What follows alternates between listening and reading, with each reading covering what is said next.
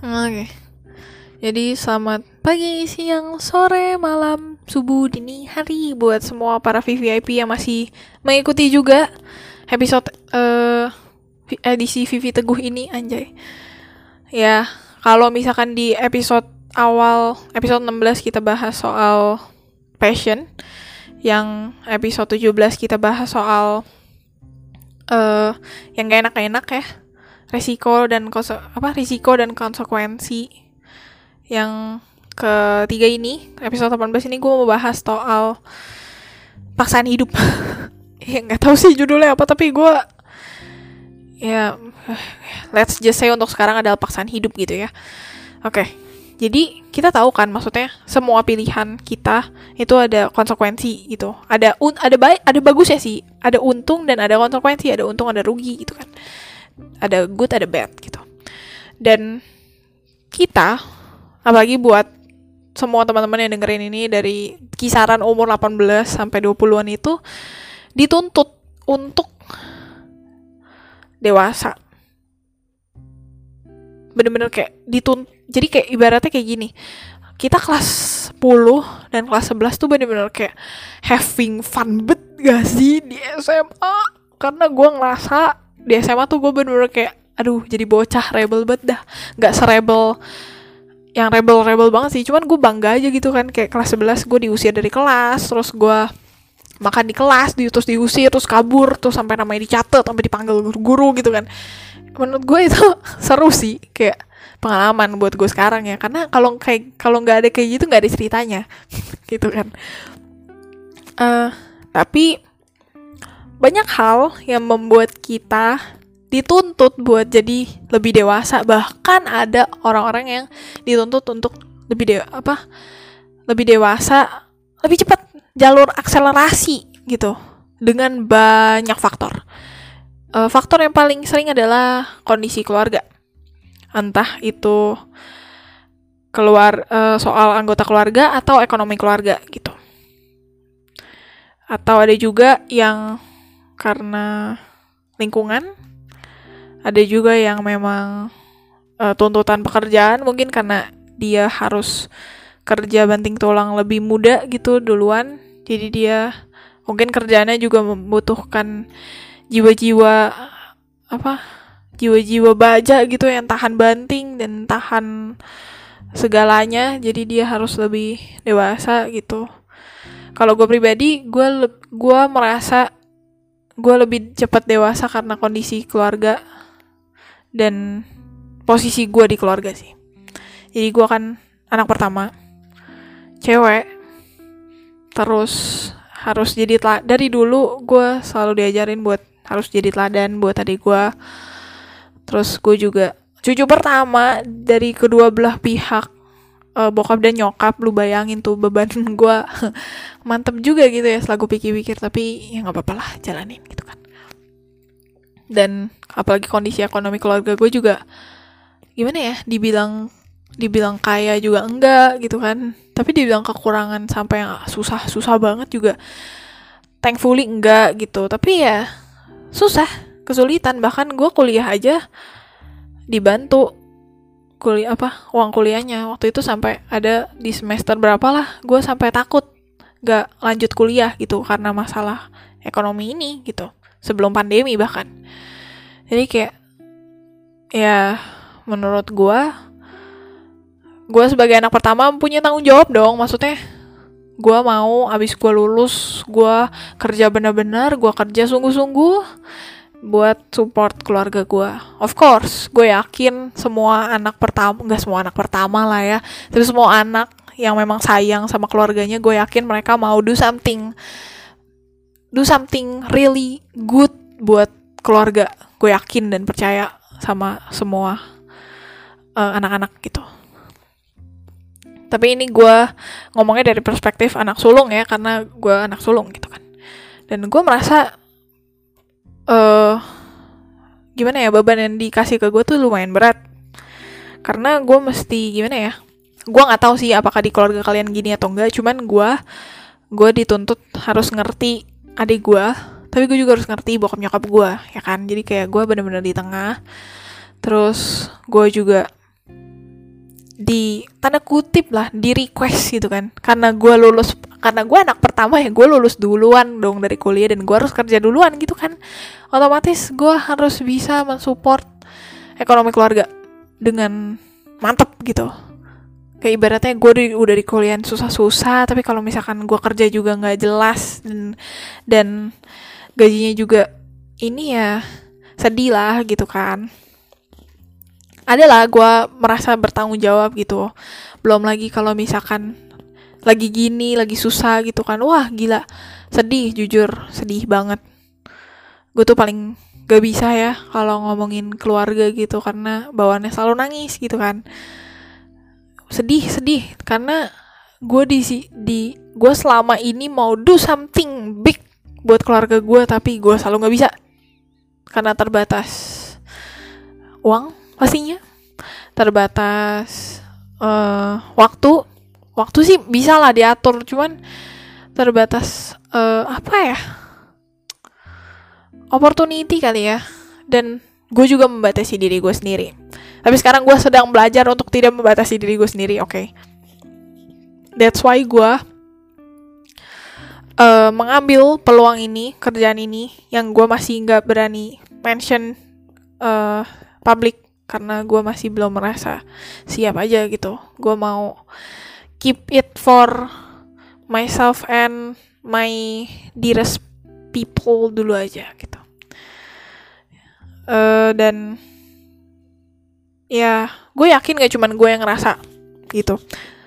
Dan gue tuh suka ngerasa kayak gini tuh sama dua orang.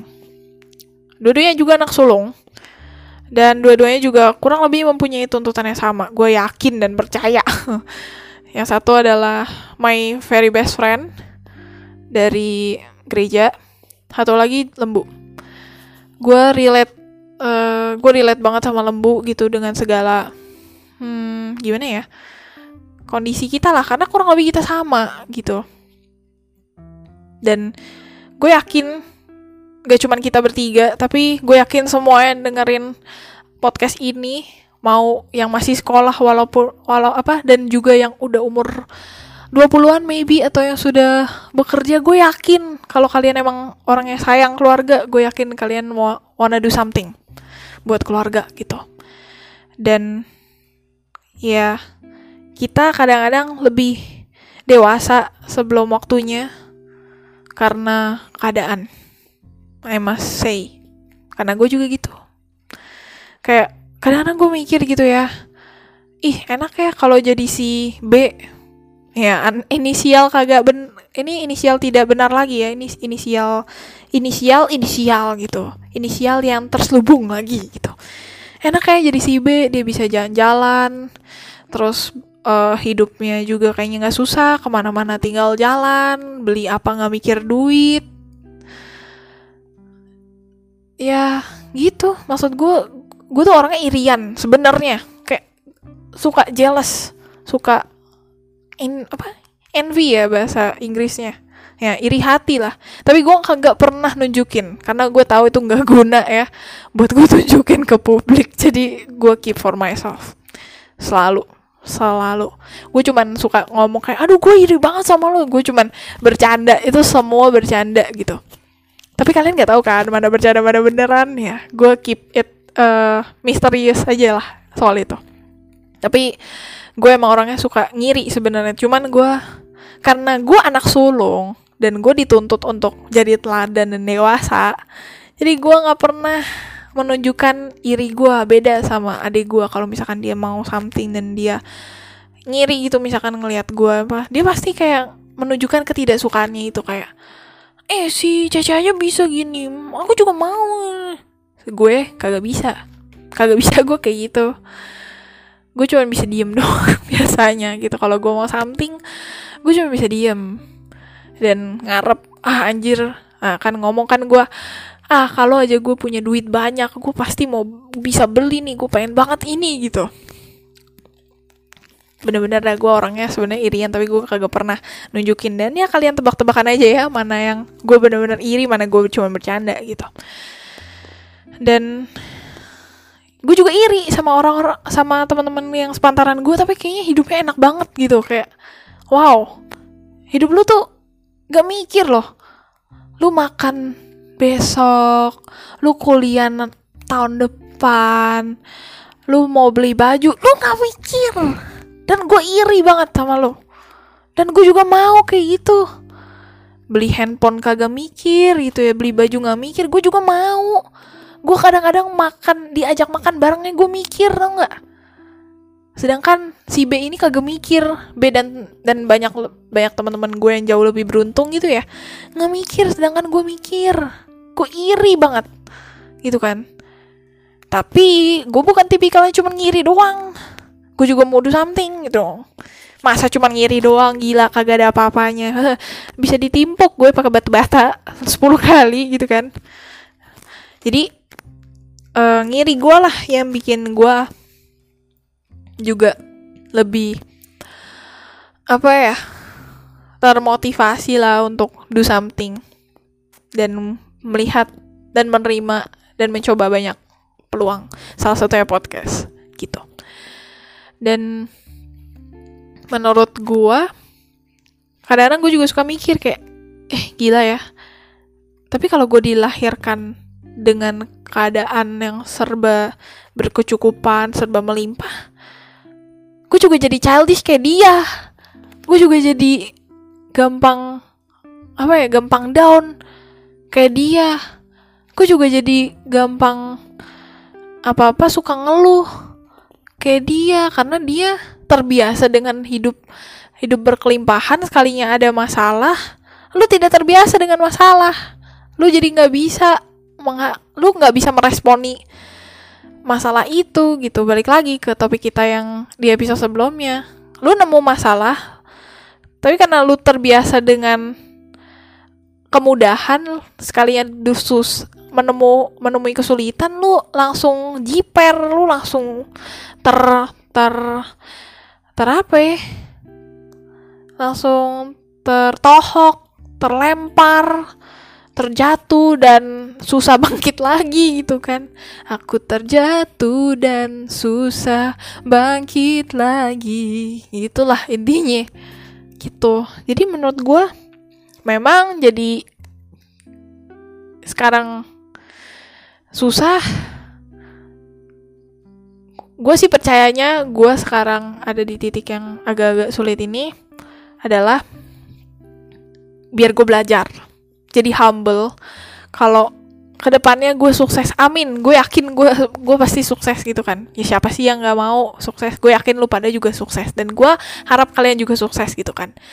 Dan gue juga berharap kita sukses gak membuat kita jadi sombong dan terlena dengan segala kemudahan gitu dan gue merasa gue sekarang ini lagi gini nih kondisinya.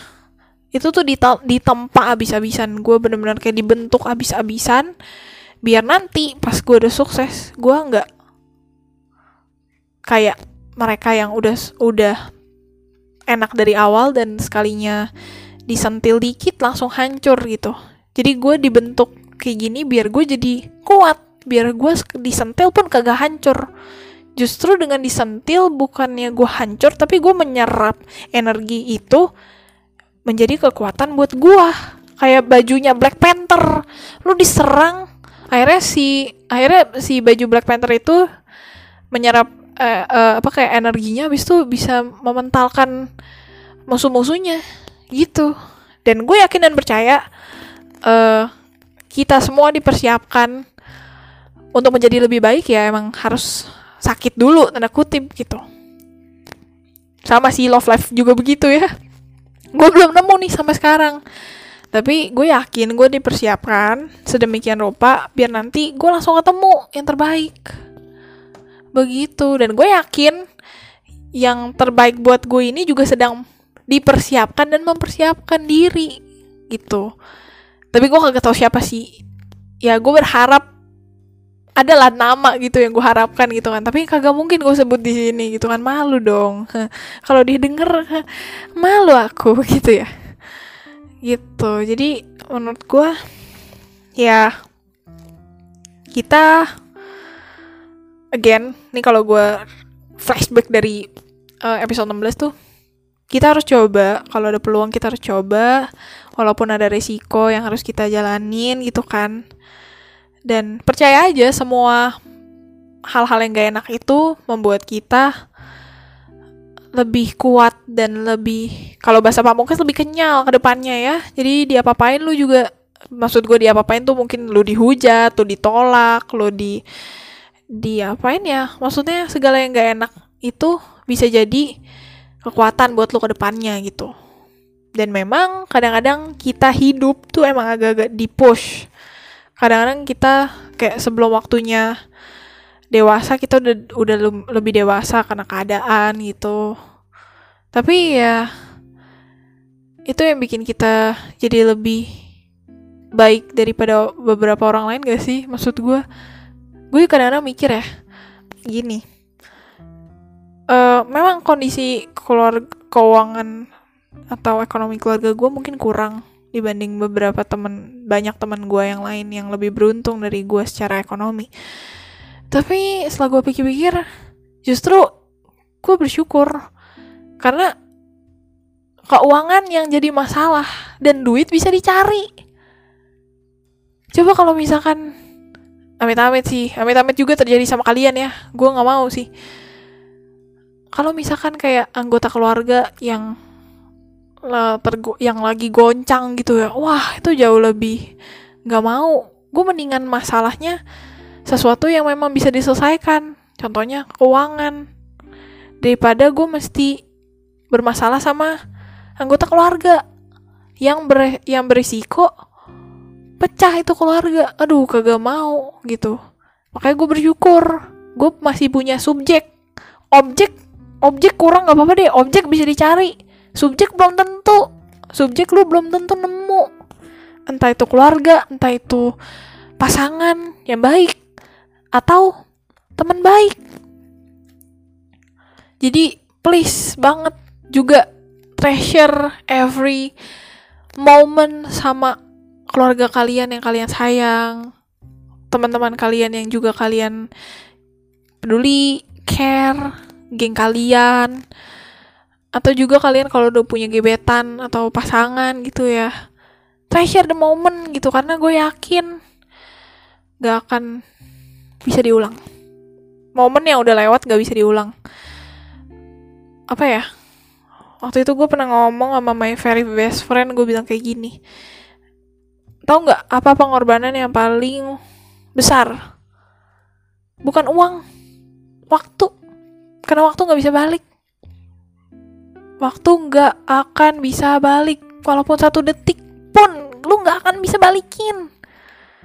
Jadi ya jalanin hidup lu jangan melewatkan jangan melewatkan opportunity lu juga jangan jangan lupa sama keluarga lu jangan lupa sama gebetan lu lu juga jangan lupa sama pasangan lu lu juga jangan lupa sama teman-teman lu lu juga jangan lupa sama masa depan lu juga sama diri lu sendiri do something. Gitu. Dan setiap pelajaran yang kalian dapat walaupun tuh nggak enak itu yang jadi apa ya uh, anak tangga buat kalian sukses ke depannya. Dan gue yakin kalian pasti sukses. Gue yakin yakin banget gitu. Karena kalau misalkan kalian fail itu bukan endnya gue tuh gue tuh tipikal orang yang percaya kita semua punya happy endingnya masing-masing apa pun itu bentuknya. Tapi happy ending. Gitu. Gue gue yakin dan percaya dan kalian juga harus yakinin gitu kan the law of attraction gitu. Apa yang kalian yakinin it will happen gitu kan. Dan gue yakin kita semua sebenarnya punya happy ending. Dan kalau kita masih berada di gimana ya kalau kita belum happy itu bukan akhirnya. Kita berarti masih panjang dan kita masih bisa mengubah that kurang happy menjadi super duper happy gitu. Ya kurang lebih kayak gitulah yang mau gue sampaikan di episode 18 kali ini. Dan uh, semoga itu cukup merangkum dari tiga episode ini. And ya yeah, terima kasih buat yang masih dengerin. Thank you banget mau dengerin gue dari episode 16, 17 sampai 18 karena ini nyambung. And I hope I see you guys again di episode berikutnya. Gue nggak tahu kita bakal bahas apa sih lebih tepatnya. Cuman ya apa pun yang bakal dibahas ya udah gue bahas aja karena ini podcast BGSD biar gak sepi dah gitu kan dan semoga kalian mendapatkan uh, penyerahan lah ya mendapatkan adalah pesan yang bisa lu petik dari tiga episode beruntun ini ya kurang lebih kayak gitu dari gue. Thank you banget buat yang masih ngikutin. See you on the next episode. Saya Vivian Gunawan pamit undur diri terima kasih